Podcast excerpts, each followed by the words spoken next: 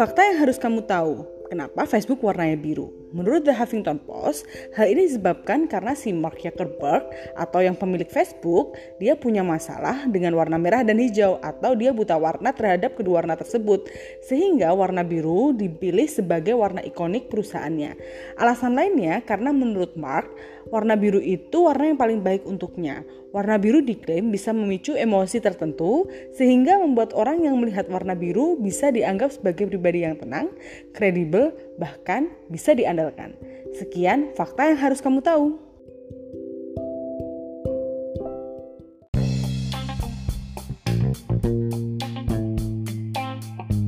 Halo semuanya, ketemu lagi di podcast Harjana. Hari ini episode keempat. Jadi saya nggak sendiri, saya Hilya masih ditemenin sama Budi. Yeay, kita berdua. Semoga kalian belum bosan dengerin podcast Sarjana karena lumayan banyak nih kemarin Mas. Mm-hmm. Di episode kedua udah cukup ada 200-an listener. Wow. Di episode 3 juga udah 180 something listener. Wow, nah, oke. episode keempat kemarin kita pertama sama alumni, Mm-mm. terus sama dosen, sama mahasiswa. Nah, kita mau saudara-saudara lagi sama alumni. BTW Mas, kau masih pakai Facebook gak sih Mas? Masih tapi kadang-kadang karena semakin ke sini kayaknya Facebook isinya orang-orang tua nggak sih? Kalau kamu masih pakai Facebook ya? Ya kadang-kadang sih eh, masih suka lihat-lihat aja kalau untuk update status sih udah jarang, Jarang ya. banget ya. Tapi cuma cuma lihat-lihat aja orang tuh ngapain aja gitu ya, pakai cap itu doang. Tapi ya udah gitu aja.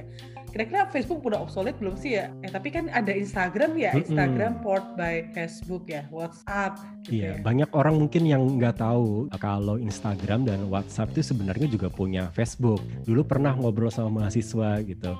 Uh, katanya kalau yang pakai Facebook itu orang-orang tua gitu. Kalau anak-anak zaman sekarang biasanya pakai Instagram. Pakai TikTok pakai TikTok gitu bisa. Oke, kenapa sih kita ngomongin tentang Facebook ya? Mm-mm, karena ada alumni kita yang ternyata juga bekerja di Facebook gitu. Wow, seru banget tuh. Iya. Kerja di Facebook tuh ngapain dia upload-upload story, upload-upload status atau gimana ya? Oke, kita nanti akan tanya lagi Hmm. tentang eh, apa sih yang dikerjain sama alumni kita ini. Kita panggil sekarang aja. Oke. Kita panggil halo. Siapa ini? Halo Mas Frankie Ho. Halo, Halo. halo, Pak Budi, Mbak Hilya. Halo. Ya, ya. seneng nih aku dipanggil Mbak, situ dipanggil Pak. Iya, aduh langsung merasa tua. Aku di- jangan dipanggil Pak dong. Oh ya, Mas Mas Budi aja ya. Halo Mas. Oke, eh, Frankie ini kerja di Facebook ya. Hmm, iya. Facebook Indonesia di Irlandia di mana di Paris atau di mana? Di Irlandia, tepatnya di Dublin sih, Dublin. di Oh, eh, oke. ibu kotanya Irlandia. Ketemu Westlife ya? Eh salah. Langsung Ke pengen tempat syutingnya pernah sih. Eh, Westlife apa kabar ya? Westlife udah udah udah jadi om-om kali ya. Anyway, Iya. kita nggak cuma berdua aja nih Hmm. nge-host malam ini. Kita punya kedatangan satu guest host gitu. Yeah. Guest host kayak rumah aja ya. kita punya bintang Hmm. tamu host bintang tamu kita ini satu angkatan sama si Frankie, Frankie, iya. ini. Dan biar imbang kita undang yang guest hostnya juga dari luar negeri juga kan satu dari Irlandia kita ambil dari belahan bumi lain dari Taiwan. Siapa? Kita panggil Bu Dawi. Halo Bu Dawi. Bu Dawi. Halo semua, kangen gak nih sama aku? Pede. Halo, halo, halo. Harus pede dong. Halo Pak Man, halo Mbak Hilya, halo Frankie. Halo Bu Dawi. Tetap ya, panggilnya Mbak Hilya tapi satunya Bu Dawi. Aduh, aduh, aduh. Oke, dan biar tambah seru lagi, mungkin sekali-kali bintang tamu kita kita kerjain gitu. Biasanya kan kita yang perkenalkan ya tamu kita. Nah sekarang tamu kita nih yang harus saling memperkenalkan satu sama lain. Oke, mau dari siapa nih? Frankie dulu mungkin ya. Frankie bisa nggak nih memperkenalkan Bu Dawi? Dulu zaman kuliah kayak gimana sih? Bener bener. Siapa tahu kan yang, yang dengerin ini kan anak 2019 atau 2020 yang eh, mungkin belum kenal Bu Dawi, belum pernah ketemu Ya, Bu belum Dawi pernah di kelas. Ya kan. Oke. Boleh. Bisa cerita nggak tentang Bu Dawi? Bu Dawi ini eh, makhluk seperti apa? gitu? Aduh, aduh, aduh. Bu Dawi, lah, Iya, Dawi. iya. Sangkatan kan, sangkatan Angkatan berapa sih? em, 2010. 2010 masuknya. Masih muda Ah, maksudnya ya, loh, masih 2010. muda loh 2010. Masih muda, Iya. Muda. cuma beda 10 tahun sama angkatan sekarang. Eh tapi mungkin a- buat angkatan sekarang di 2010 mereka masih SD, mohon maaf. Oh. Situ sudah kuliah, sana masih SD, Iya, masih masih kelas berapa? kelas 2 3 Iya. SD, mohon maaf. Dan pembahasan cukup Oke. berhenti di 2010 ya, nggak usah naik ke atas lagi. Oke, eh, jadi Bu Dawi itu gimana, Frankie? Dawi itu sangat amat eh, apa ya most wanted gitu ketika Wih. deket-deket mau ujian ujian UTS atau UAS lah kenapa karena Bu Dewi itu terkenal catatannya itu sangat detail lengkap rapi jadi tuh mahasiswa-mahasiswa biasanya oh Dawi mana nih Dawi gitu mau pinjam catatan fotokopi di kantin kan dulu Jadi semua angkatan 2010 pasti punya salah satu aja ya fotokopian catatan dari Budawi. yakin antara mereka pinjam langsung dari Bu Dawi atau pinjam dari hasil fotokopian itu sendiri ngambil terus fotokopi lagi Dulu aktif di mana sih Bu Dawi? Um, Zaman kuliah? saya kurang tuh Jangan bilang aktif di kantin. Aduh, aduh, aduh. Iya. kayaknya Jadi, sih sambil nungguin fotokopian gitu kan, iseng-iseng makan di kantin gitu. Nah, jadi bagi teman-teman yang pada belum tahu mahasiswa zaman sekarang, dulu kita punya fotokopian di sebelah kantin. Dulu kantinnya itu yang sekarang ruang HMTI. Ya, mungkin Frankie juga belum tahu ya kalau kantin kita pindah ke bawah sekarang deket Paksima. ah, ah, oke Iya, iya. Oke, nah sekarang gantian nih. Bu Dawi memperkenalkan Frankie kayak Wah. gimana dulu Frankie? Nah, itu ya. Saya juga bingung. Yang saya ingat tentang Frankie, Frankie itu kecil-kecil cabai rawit ya. Soalnya Wih, pedes dong. karena kritis ya orangnya. Kalau yang saya Oh, ingat gitu. itu eh, Frankie itu kritis. Jadi kalau dia pu- mungkin kritis atau eh, banyak ide kali ya. Jadi su- suka aktif kalau di kelas. Mm-mm. Terus dia juga aktif HMTI beda banget ya sama saya. Kalau saya mungkin tadi bilangnya aktif di kantin. Eh ya ya bisa bisa jadi. Terus yang saya ingat lagi tentang Frank itu, Frank itu yang wisudanya termasuk cepet. Dia bulan Hmm. Mei ya Frank kamu. iya Mei Kalau yang lain kan Nggak Agustus. nyampe 4 tahun ya? Iya dia nggak nyampe 4 tahun. Hmm. Pokoknya kayaknya hidupnya kuliah terus kayak ngejar terus. Jangan-jangan dia ST1 ya, Daw? Eh, enggak enggak bukan enggak bukan enggak bukan SCTA satu. Tapi termasuk yang lulusan cepat-cepat. Budaw, Budaw angkatan cepat-cepat nggak? Eh, pas-pasan ya, pas-pasan. Agustus kan Dewi wisuda Terus pas Pas Agustus. 4 tahun gitu Pas ya. 4 tahun, Ya. pas-pasan. IPK-nya juga pas 4 ya Dewi Oh, iya. Wow, hampir keren hampir. banget. Enggak, belum. Enggak, enggak. Dulu Frankie di de- departemen apa tuh HMTI kalau boleh tahu? PWK ya? ketahuan ya iya PWK ketawa. Biasa orang anak-anak bucik-bucik itu yang di PWK gitu. Kalau yang suka hore-hore di WO. Kalau assalamualaikum kayak Pak Butsol ada di mana? Bahas lagi. Oke. Ke- Kelihatan gak sih kalau aku ikutan EKI? kelihatan Kelihatan sih. Kelihatan Mama Dede kan? kan? Ya. Iya, Titisan Mama Dede. kelihatan, Kelihatan ya. sih dong. Mama Dede. Ketika kelihatan mama-mamanya.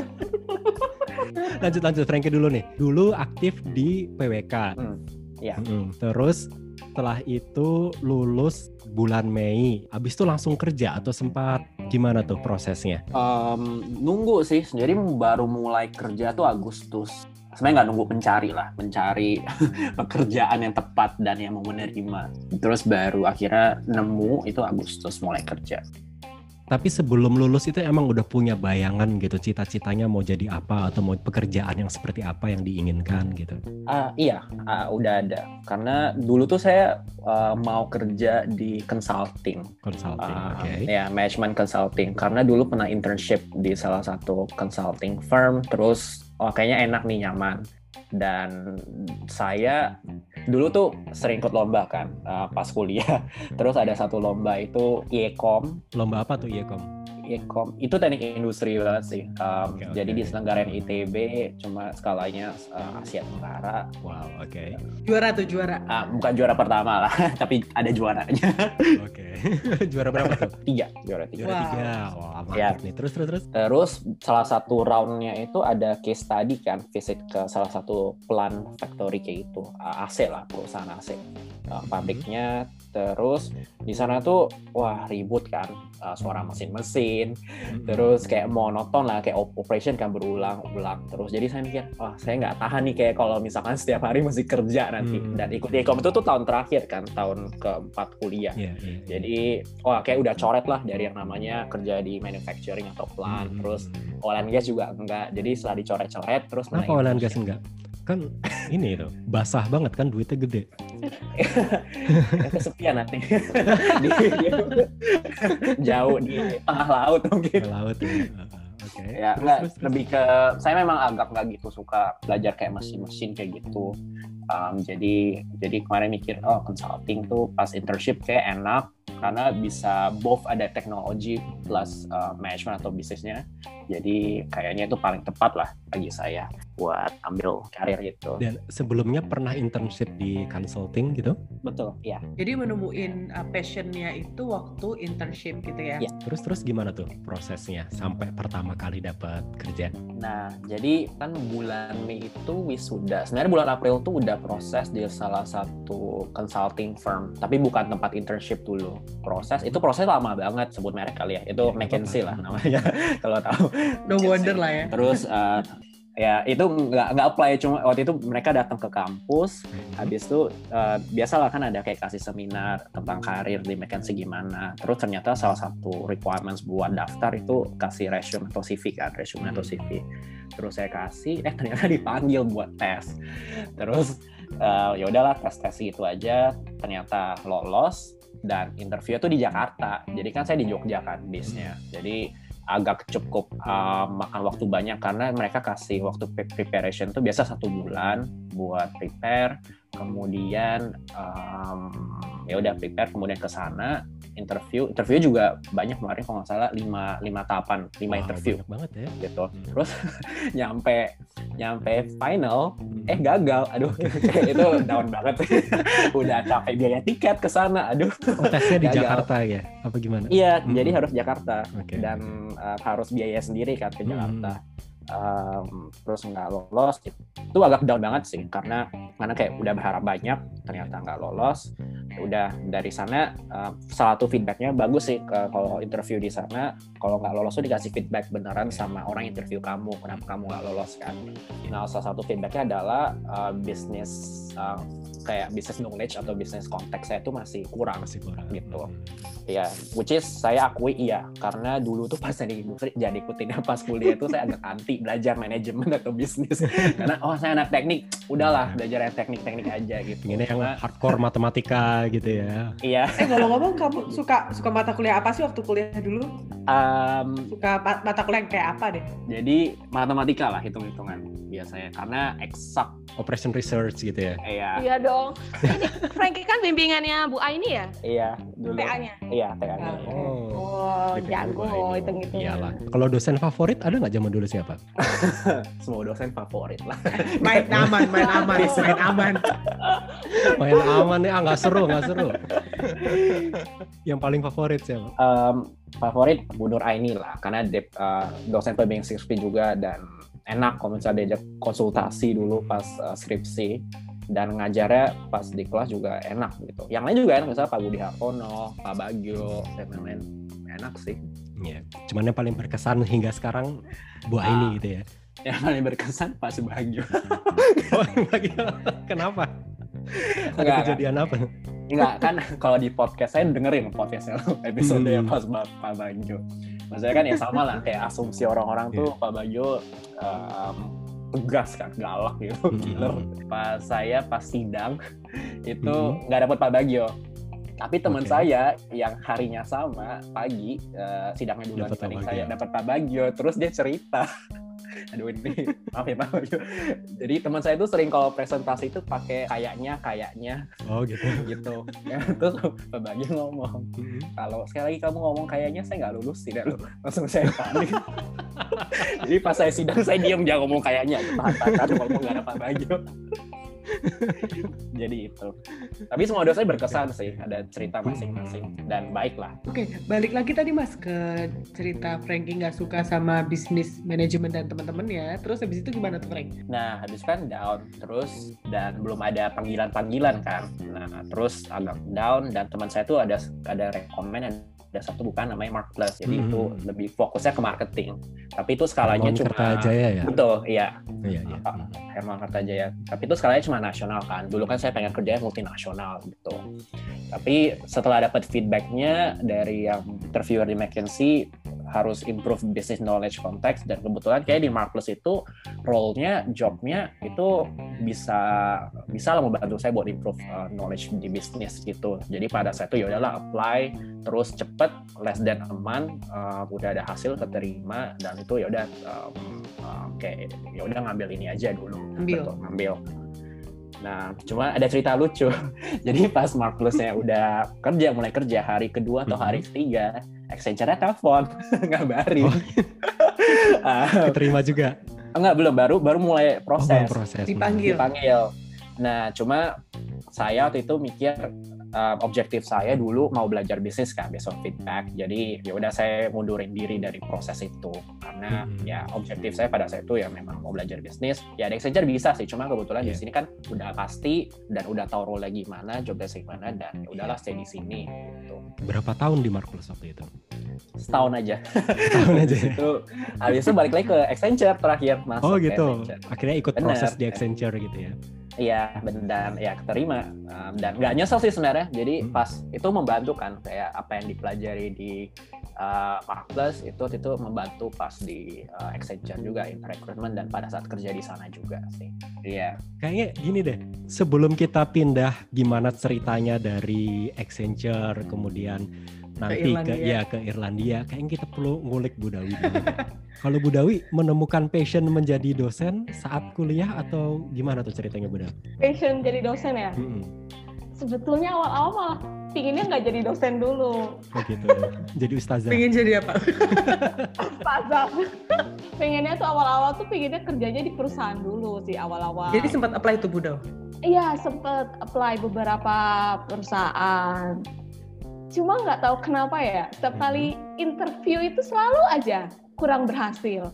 Sampai aku pernah nanya kan, kenapa ya kira-kira nggak hasil? Terus ada salah satu eh, inter- interview vi- Mhm. eh, yang ngomong, Mhm. kamu dapat IPK segitu, kamu ngapain aja? Cuma kuliah pulang kuliah pulang. Sampai ada yang ngomong gitu. Terus Budawi jawab apa waktu itu? Enggak kok gitu, kuliah kantin gitu. Gimana? enggak sih cuma saya tunjukin aja kalau saya juga ada organisasi cuma mungkin mindsetnya mereka kalau IPK agak terlalu tinggi Mhm. mindsetnya mereka jadi agak lebih susah diatur katanya orangnya Hmm, gitu gitu. kayak Oke. gitu nggak tahu sih memang mungkin mencari alasan aja kenapa sih aku nggak diterima teri- nggak diterima gitu tapi Terus? memang dari dari awal sih karena orang tua juga mendukungnya lebih ke jadi dosen daripada Hmm. kerja di perusahaan Kenapa? katanya per- ya begitu katanya biar jadi perempuan yang baik istri yang baik selanjutnya pekerjaan jadi dosen perempuan itu paling bagus Oh, iya, gitu. gitu ya. Jadi selain mendidik orang juga bisa dimulai dengan mendidik anaknya. Anak-anak mahasiswa maksudnya. Nah itu anak-anak mahasiswa. Makanya udah dipanggil bu aja ya sekarang. Iya. Makanya kan pinginnya dipanggilnya Bu karena menganggap mahasiswa itu anak-anaknya Oh gitu iya benar. Eh Frank, tahu nggak sih? Iya. Ini sedikit cerita sih, Frank. Biar Frank tahu kalau andai kata Budawi ini sedikit bocoran. Budawi ini Ya. kalau di kelas eh, minta Aduh, jangan mahasiswa untuk memanggil ibu. Jadi kan biasanya kalau andai kata kita ngomong ke mahasiswa kan, jadi eh, menurut saya nih seperti ini Saya. gitu ya. Mas, eh, dosen kan akan ngomong eh, manggil diri sendiri saya. Kalau Budawi, menurut ibu, ibu tidak suka dengan cara kamu gitu. Jadi dia memanggil dirinya ibu. Mohon maaf. Jadi kita udah kebiasaan manggilnya Budawi walaupun dia mau angkatan berapapun dia namanya Budawi. Nah, nanti saya kasih angkatan saya lah panggilnya Budawi ya teman-teman. Aduh, aduh, aduh. Ya, oke. Kita balik ke Frankie ya. Jadi Frankie tadi dia di Mark Plus terus pindah ke Accenture. Sampai berapa lama tuh di Accenture tuh? Dari 2015 ya? 2016 eh 2015 sorry 2015 terus 2018 um, Mei itu last last day lah last month di, di Accenture. Sebagai apa tuh Frank kalau boleh tahu di Accenture? Jadi posisi terakhir udah management consultant. Jadi itu udah ngelit tim lah sebenarnya dalam satu project dan intinya sih bantu klien untuk improve bisnis mereka. Tapi fokus saya tuh dulu di customer experience, uh, ya customer experience dan industrinya telco, telekomunikasi. Telecommunication gitu. Ya. Bisa diceritain nggak mungkin customer experience tuh ngapain sih seorang konsultan apa gitu yang Ya. dibenahi contoh-contohnya gitu. Um, jadi kalau uh, bayangin satu bisnis, satu perusahaan kan pasti punya customer lah, ya kan. Jadi mereka berinteraksi dengan bisnis uh, dari berbagai kanal atau channels gitu. Jadi misalkan oh ada toko, ada aplikasi, ada website dan lain-lainnya. Gitu. Sekarang um, sebuah bisnis pasti pengen sebisa mungkin engage sama customersnya dan convert tuh ke sales dan after sales service-nya baik. Jadi after sales service itu misalkan ya kalau misalnya ada komplain bisa dia dengan baik. Nah, biasanya harus terus improve lah customer experience tersebut biar customer tidak pindah kan. Jadi ya um, saya di sana ngebantu mereka kira-kira di sana ada masalah apa sih sekarang misalkan oh orang tuh uh, antriannya lama tuh di toko misalkan gitu kan. Yeah. baik banget customer ya. Gitu. Akhirnya orang juga komplain udah marah. Terus di sana ngantri lama komplain. Misalkan nah itu gimana? Gitu kan. Yeah, yeah. terus kira-kira komplainnya terkait apa? Analisis dan akhirnya rekomend lah. Kira-kira apa improvement yang harus dilakukan oleh bisnis tersebut?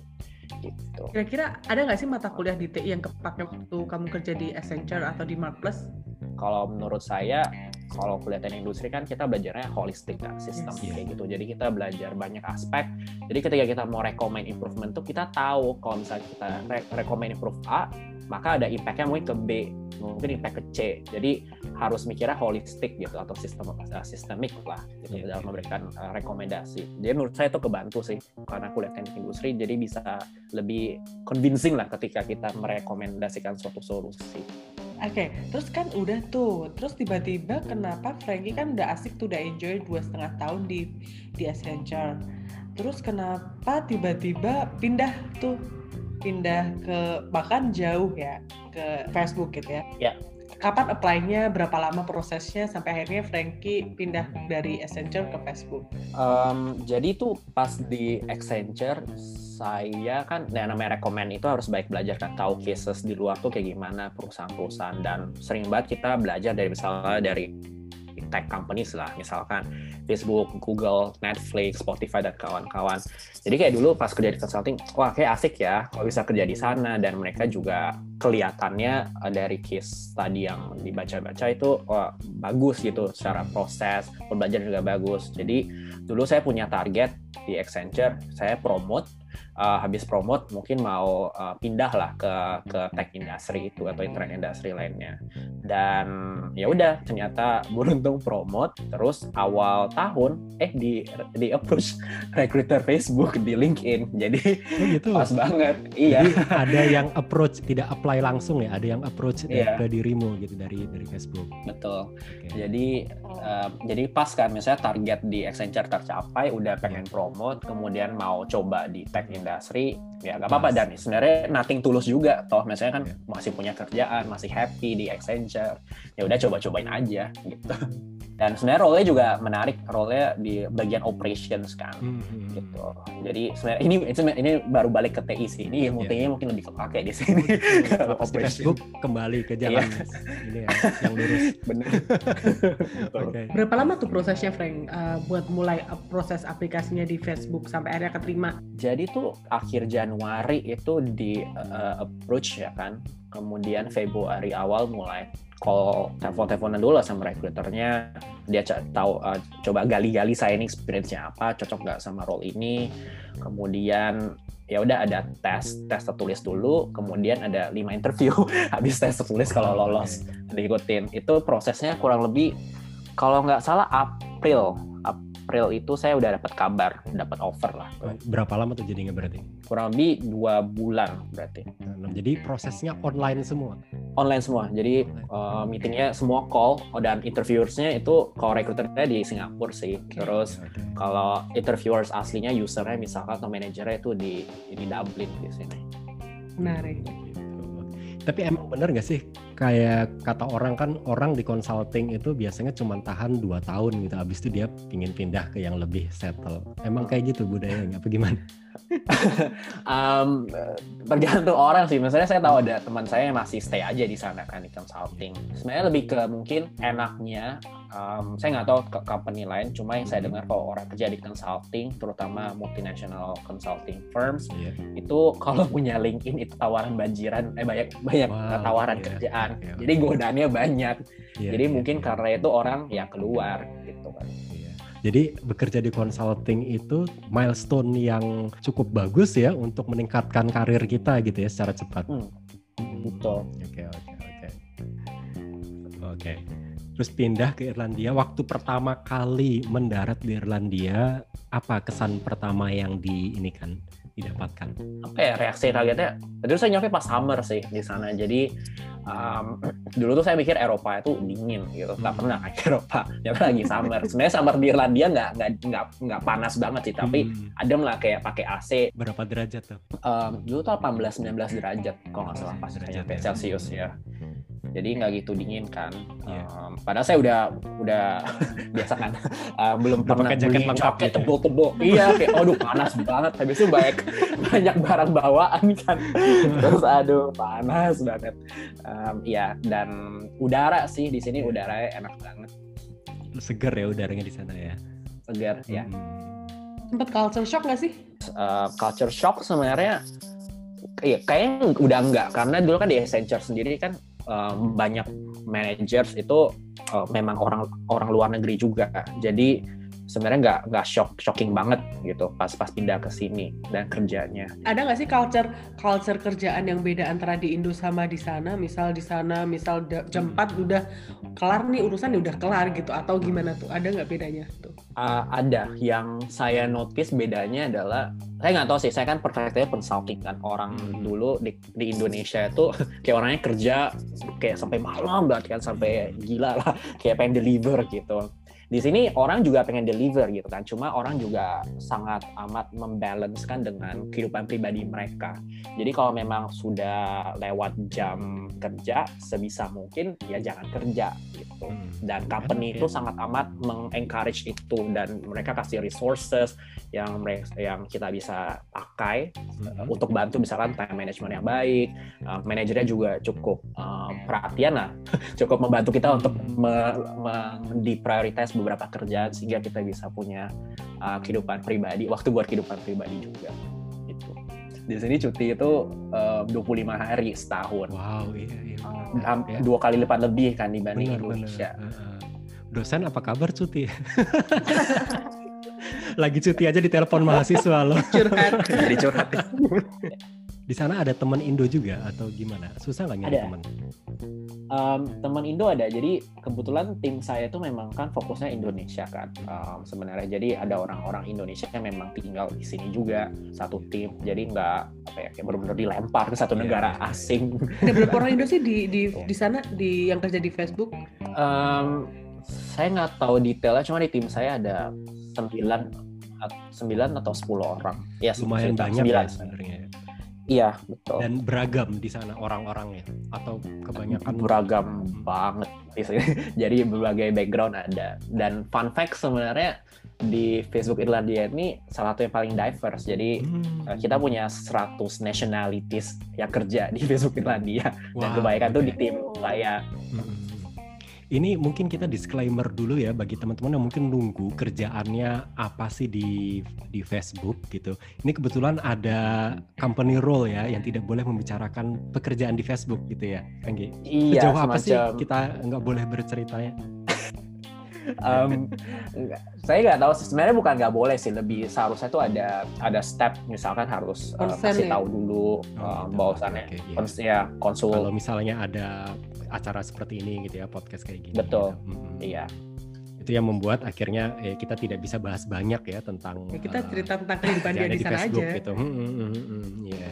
iya lebih asik Kalau gaji gimana Om? Mungkin teman-teman kan banyak penasaran kan penghasilannya. Lebih besar mana di Irlandia Aduh. sama waktu di Indonesia? Uh, nah ini ini coba mencoba diplomatis enggak? Jadi se- sebenarnya itu menjadi satu uh, concern juga sih pas dulu mau decide mau pindah atau enggak. Mhm. Karena sebenarnya kalau dari segi gaji ditawarin ya Irlandia lebih tinggi, jauh lebih tinggi Hmm, lah hmm, hmm. gitu. Cuma kalau dulu di Indonesia karena kerja consulting lagi ini punya pemikiran bisa aja kan pindah ke company lain dengan posisi Mhm. lebih tinggi sendar semen- kayaknya tuh secara gaji bersih gaji bersih itu bisa Iya. sama atau lebih tinggi Hmm. sebenarnya Karena karena di sini biaya hidupnya ya. mahal mahal banget salah satu negara termahal di Eropa di Dublin Mirip sama UK nggak sih? Lebih mahal mirip sih cuma lebih mahal di Dublin Eh, London lebih murah lagi Ah, lebih Waduh, lebih mahal Pricey. daripada London. Oke. ya oh, mahal banget.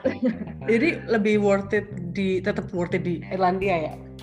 Ada kemungkinan kalau misalnya saya stay di Indonesia mungkin savingnya tuh bisa lebih tinggi sebenarnya. Hmm. tapi, tapi benefit yang mungkin tidak terlihat kalau eh, misalkan di Irlandia yang satu apalagi bisa bisa tinggal di luar negeri. Kalau mau traveling juga lebih murah biayanya. Jadi saving cost kemudian life quality juga mungkin relatif lebih baik sih kayak dari udara kualitas udara juga lebih baik jadi itu ada sebenarnya ada benefit-benefit yang tidak terlihat gitu kalau um, kerja di sini Dan itu yang nggak bisa dibeli sama uang gitu ya.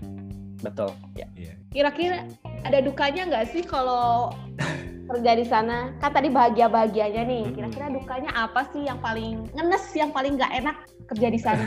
Em, paling kerasa kalau mau ketemu temen di Indo susah sih yang satu kan Hmm. karena karena mau virtually meeting pun juga ada beda waktu 7 7 6 jam lah. Um, Iya. ya terus um, itu satu terus apa kalau teman-teman lagi insta story itu ya kan um, lagi kumpul atau makan apa aduh kangen duk Iya. itu satu terus kedua kadang kangen aja sih misalkan sama apa ya budaya Oh kirain budawi budaya. Oke.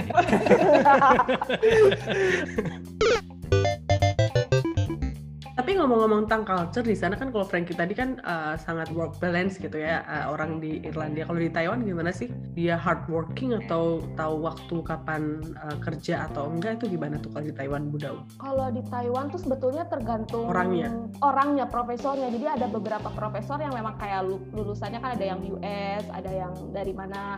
Ada teman saya yang Sabtu Minggu aja harus masuk sampai nginep di lab itu ada yang harus seperti itu. Sampai tiap hari pertemuan itu ditanya sama profesornya, kamu hari ini mau ngapain aja? Misalkan ini A, B. Kok cuma A sama B sih? Nggak sampai D. Jadi tuntutannya tuh ada yang beda-beda sih. Ada yang benar-benar super super sangat keras dan ada yang lebih family man. Mungkin saya beruntung kali ya, saya dapat profesor yang lebih family man. Jadi dalam arti eh, dia kalau ada rapat lab atau progress meeting atau apa pun dia tidak dia nggak akan membuat jadwal lebih dari jam 6 sore Hmm. karena udah jam 6 sore itu udah waktunya keluarga Iya, iya, iya. tapi malah tapi mayoritas yang saya lihat banyaknya sih lebih agak lebih strict sih banyak yang strictnya Banyak strict ya. iya banyak yang sampai harus nuntut nginep di lab Mungkin bedanya barat sama timur gitu ya budaya kerjanya kayak gitu. iya Oke, balik ke Frankie lagi nih. Eh, ini kan udah dua tahun di sana ya. Rencana Ya. di sana terus atau gimana? Um, kalau sekarang sih masih kepikirannya bakal balik ke Indonesia sih Indonesia. dalam suatu waktu tertentu. Dalam waktu berapa nih? Bulan depan?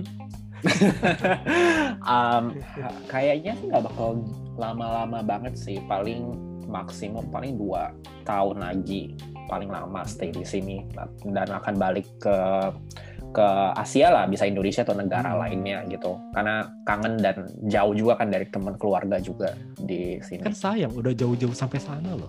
Banyak kan yang pingin ke sana. bener sih Kok cuma 4-5 tahun aja sayang banget. Apa pertimbangannya? Apa ya satu nggak tahu saya merasa saya lebih cocok di Indonesia sih sebenarnya satu atau di Asia karena orang-orangnya mungkin lebih lebih relatable sih ketika ngomong atau dari budaya juga.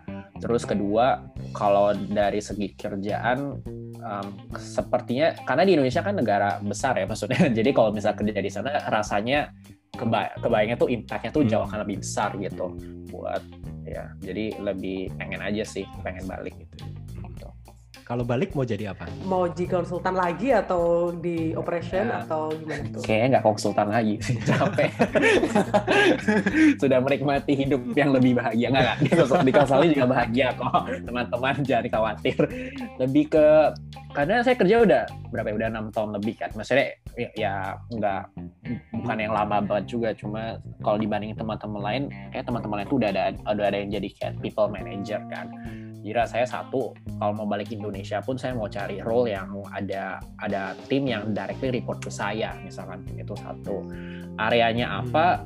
Ya sebenarnya yang penting di area misalnya operations atau customer experience, uh, saya masih oke aja sih sebenarnya apa pun itu.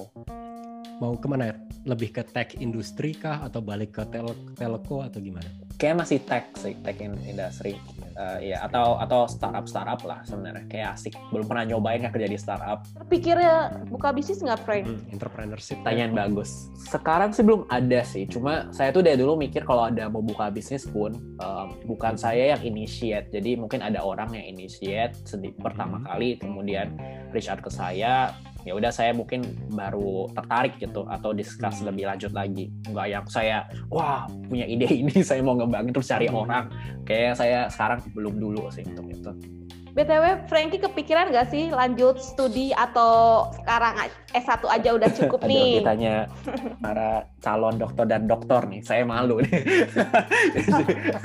Em, sebenarnya dulu sebelum pindah ke Finlandia saya pengen karena saya kan nggak pernah tinggal luar negeri lagi-lagi. Jadi salah satu alasan kenapa mau kuliah lanjut lagi entah S2 S2 lah kayak S3 saya nggak lebih ke karena biar bisa experience tinggal di luar negeri. Hmm. Tapi sekarang karena udah tinggal di luar negeri, luar negeri gitu. terus kayak hilang gitu motivasinya. Cuma Iya. masih ada kemungkinan lah karena sekarang kan juga lagi asik-asiknya uh, di operations dan kayaknya pengen belajar lebih lanjut lagi sih cuma masih belum ada belum ada decision rencana ya. Ya. Oke. Jadi kalau buat Frankie, kalau buat pesan-pesan buat anak-anak TI gimana tuh? Apakah tadi kan ngomongin tentang ke kuliah kerja gitu ya? Apakah sebaiknya kerja dulu kalau dari perspektif Frankie nih? Apakah kerja dulu baru kuliah? Enaknya gimana tuh? Atau kuliah dulu baru kerja? saya sih mikir kerja dulu baru kuliah kenapa karena kayak misalnya sekarang saya kerja operations banget kan. Jadi saya lebih bisa relate ke ke kuliah dulu di TI Um, terus kerasanya kalau saya punya knowledge kayak ini experience gini pas saya kuliah bakal lebih engage lagi gitu kan sebenarnya. Bisa nanya pertanyaan yang memang lebih men- menjurus atau baca literatur yang memang lebih menjurus sesuai dengan interest saya. Jadi uh, enak lah misalkan ketika udah punya knowledge kira-kira ya kerja tuh gimana nanti tinggal di connect kan dibandingin sama di akademik itu, itu gimana Terus punya pesan-pesan nggak buat mahasiswa teknik industri nih? Kan banyak tuh mahasiswa yang pingin kerja di luar, apalagi di tech industry, di kayak di Facebook atau mungkin di Ah. Google. Gimana sih apa yang mereka harus lakukan selama di masa mahasiswa ini? Gitu? Um, um, kalau menurut saya apa ya kayak punya rasa ingin tahu itu satu sama diimbangin sama komitmen buat improve diri sendiri gitu. Jadi kalau dulu saya kuliah personal experience saya selalu nanya diri saya. Sekarang saya kalau dibandingin sama orang lain ya saya seberapa bagus sih misalkan atau seberapa tinggi chance saya buat terima kerja kalau dibandingin sama orang-orang tersebut kan. Jadi itu itu saya pengen tahu. Terus um, yang saya lakukan adalah dulu ikut lomba misalkan. Jadi ikut lomba kan um, ada mahasiswa dari luar juga kan dari kampus-kampus lain. Dari sana saya tahu oh saya kurang di sini, saya lebih di sini. Jadi kalau tahu kurang di sini ya saya improve. Dan menurut saya itu cukup membantu sih ketika uh, mau cari kerja. Jadi kamu udah udah kebiasa lah udah tahu kira-kira apa apa poin plus dari kamu dan poin yang negatif tuh bisa kamu improve dulu gitu sebelum recruitment proses lah. Kedua mungkin kalau mau mau kerja di luar negeri Hmm. caranya ada beberapa sih. Misalnya kalau menurut saya satu paling bukan paling mudah sih uh, paling higher high chance itu kerja di multinational companies. Jadi misalkan di consulting lagi-lagi itu project-project tuh banyak yang di, di luar negeri kan. Jadi misalnya kamu uh, kerja di project luar negeri itu pindah ke sana itu ada. Terus yang kedua uh, biasa tech companies atau startup itu yang punya uh, roles atau atau nggak atau tidak mempermasalahkan hire orang luar negeri itu orang asing Hmm. Itu sih sama li- ketiga ya LinkedIn sih di di di, di dicoba dibuat dan di dibuat apa ya dipoles lah. Dan dipoles itu sebenarnya bukan bohong ya cuma memang biar bisa bagus LinkedIn-nya tentu harus punya baik experience juga kan. Misalkan pas kuliah ya organisasi ikut lomba kawan-kawan. Bahkan sebenarnya pas interaksi misalnya kerjaan tugas kelompok sendiri pun kalau kamu lakuin bagus itu bisa jadi cerita kamu saat interview. Saya dulu pun saya dulu interview pun bahkan em, karena dia nanya interviewernya entrepreneurs uh, skill kamu apa experience kamu apa? Saya nggak pernah buat bisnis ya. Cuma kan dulu kan ada ada tugas-tugas misalnya KWU atau misalnya uh, proyek terpadu. Jadi ya saya ambil kasus dari sana oh dulu kayak gini-gini. Dan well itu berguna dan sukses aja atau dengan cerita cerita tugas kelompok. Jadi ya udah misalnya. Ya sebisa mungkin lakuin terbaik dan keep improving yourself dan kemudian communicate your stories uh, properly lah ke orang-orang. Sehingga orang yakin kalau kamu memang layak buat kerja di sini. Gitu sih.